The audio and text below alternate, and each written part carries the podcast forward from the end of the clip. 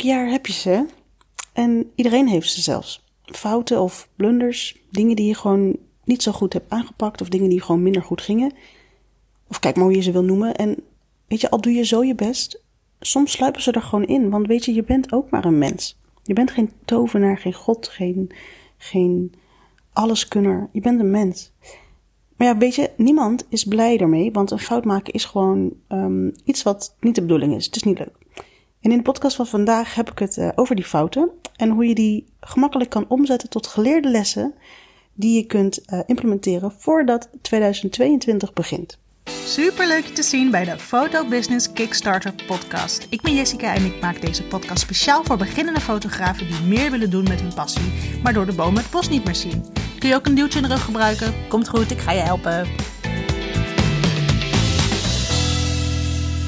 Zoals ik net al zei in die intro, we maken allemaal wel eens foutjes, want we zijn ook gewoon maar normale mensen. En dat moet kunnen toch? En ik, ik kan me heel goed voorstellen dat je er alles aan doet om geen steken te laten vallen, want de gevolgen zijn vaak niet leuk en al helemaal niet zo leuk als de consequenties uh, er zijn voor je klanten. En ik probeer dit te voorkomen door ontzettend hoog in te zetten op uh, voorbereiding. Zoals je waarschijnlijk wel weet of uh, was eerder hebt gehoord in een andere podcast. En dat komt bij mij voort uit het ontzettend willen voorkomen dat ik in zo'n situatie terechtkom. Want ik als perfectionist en een enorme controlfreak, um, ik kan best wel slecht omgaan met de gevolgen van een gemaakt foutje.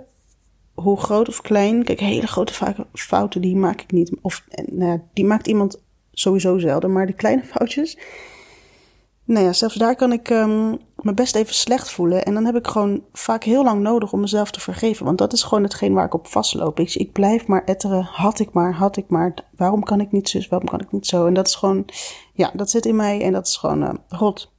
Maar ja, goed, die foutjes dus. Kijk, dat ze gebeuren en langskomen of gemaakt worden, is op een gegeven moment gewoon een feit. En om wat voorbeelden te noemen die um, bij mij bijvoorbeeld voorkomen, zonder in al de uh, uh, details te duiken. Um, bijvoorbeeld, ik wilde nog wel eens ergens uh, te makkelijk in zijn of te, of te makkelijk over denken van tevoren. En dan kom ik gewoon ter plekke uh, op een shoot bijvoorbeeld erachter dat ik toch iets grondiger had moeten voorbereiden. Of door uh, tijdgebrek, wat je best wel kan lezen als uitstellen, mis ik een opleverdeadline, of een, een, een datum, die haal ik niet omdat ik de laatste dagen dan in één keer ziek word en dan kan ik niet editen en dan red ik het niet meer. Weet je, dat vind ik gewoon slecht. dat, is, dat komt gewoon door het uitstellen.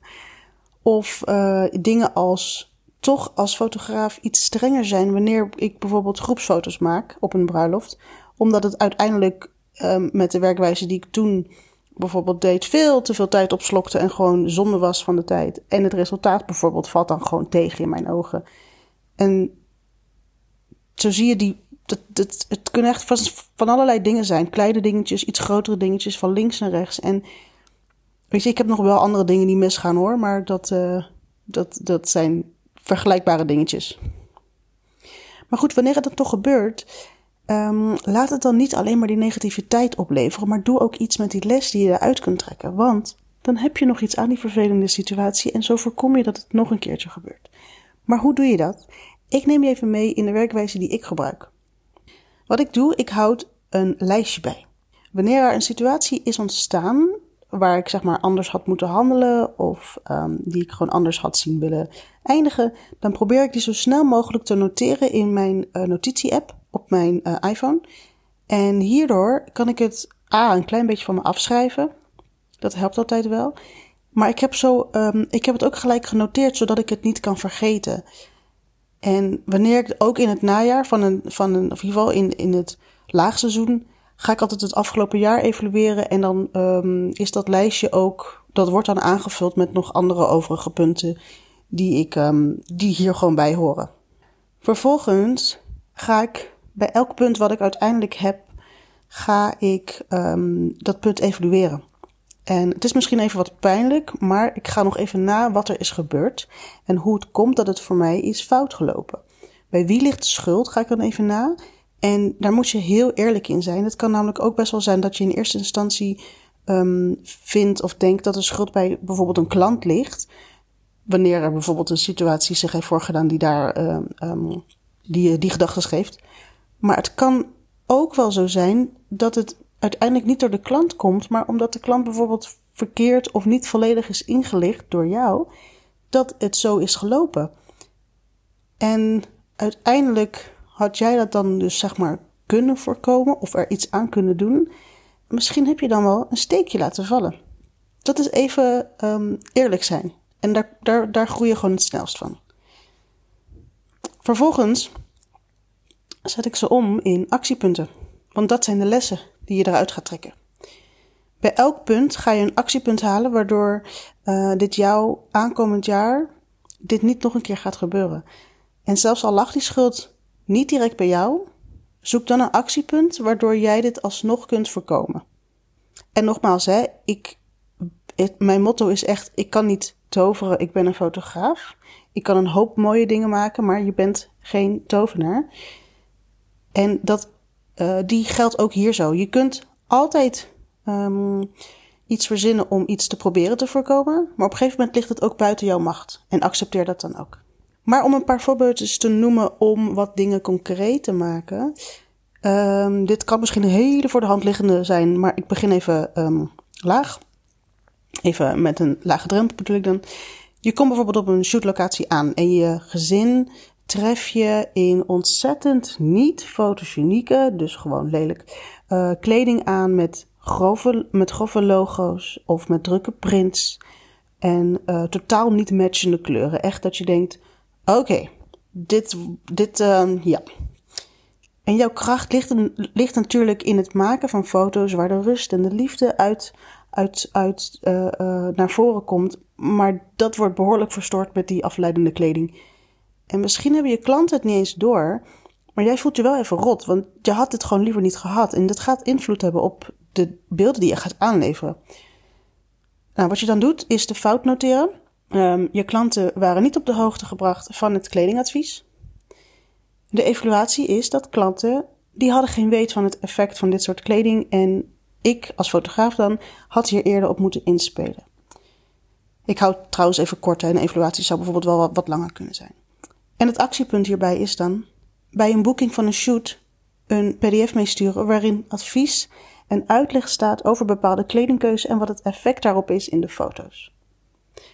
En wat ik net ook zei is dat uh, je kunt alleen maar doen wat je kunt doen. En als het dan uiteindelijk alsnog uh, niet loopt zoals je wilde, dan heb je in ieder geval alles aan gedaan. Maar je kunt niet alles zo dusdanig controleren dat het altijd naar jouw zin gaat.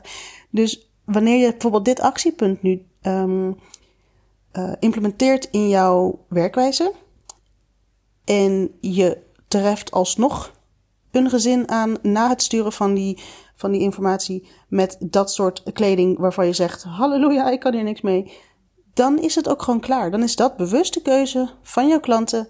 En dan is het waarschijnlijk niet iets voor in je portfolio. Maar dat geeft niet. Dat is ook niet het allerbelangrijkste. Het allerbelangrijkste is dat jouw klanten er blij van worden. En jij hebt geprobeerd ze te sturen naar um, hetgeen waar jouw kracht ligt. Hè? Een bepaalde stijl of een bepaalde kleurenschema waarin jouw, uh, jouw editstijl goed naar voren komt. Maar wanneer zij daar niets mee doen, dan is dat gewoon hun keuze. Maar dan kun jij jezelf in ieder geval niets verwijten van, uh, van uh, niet um, dingen niet hebben gestuurd of niet goed hebben voorbereid. Dat heb je gewoon wel gedaan. Nog eentje. Je komt bijvoorbeeld thuis van een leuke business shoot. En je begint met het bewerken van die beelden. Maar na een tijdje selecteren kom je erachter dat je amper nog liggende foto's hebt gemaakt. Terwijl dat eigenlijk wel de bedoeling was. De fout hierin is natuurlijk dus te weinig liggende foto's um, heb je gemaakt. De evaluatie is, ik heb hier niet bij goed opgelet of ik naast staande beelden ook wel voldoende beelden heb gemaakt um, van, het, van liggende. En dit komt dan misschien door de haast die er was tijdens de shoot. Ik zeg maar wat, hè. Dat is dus die evaluatie, zodat je niet vergeet wat de mogelijke redenen kunnen zijn waardoor dit is gebeurd. Schrijf die dus wel gewoon op. Een actiepunt hier zou kunnen zijn: maak een shotlist en houd deze bij. Tijdens de shoot controleer dan of je zowel voldoende staande als liggende beelden hebt gemaakt.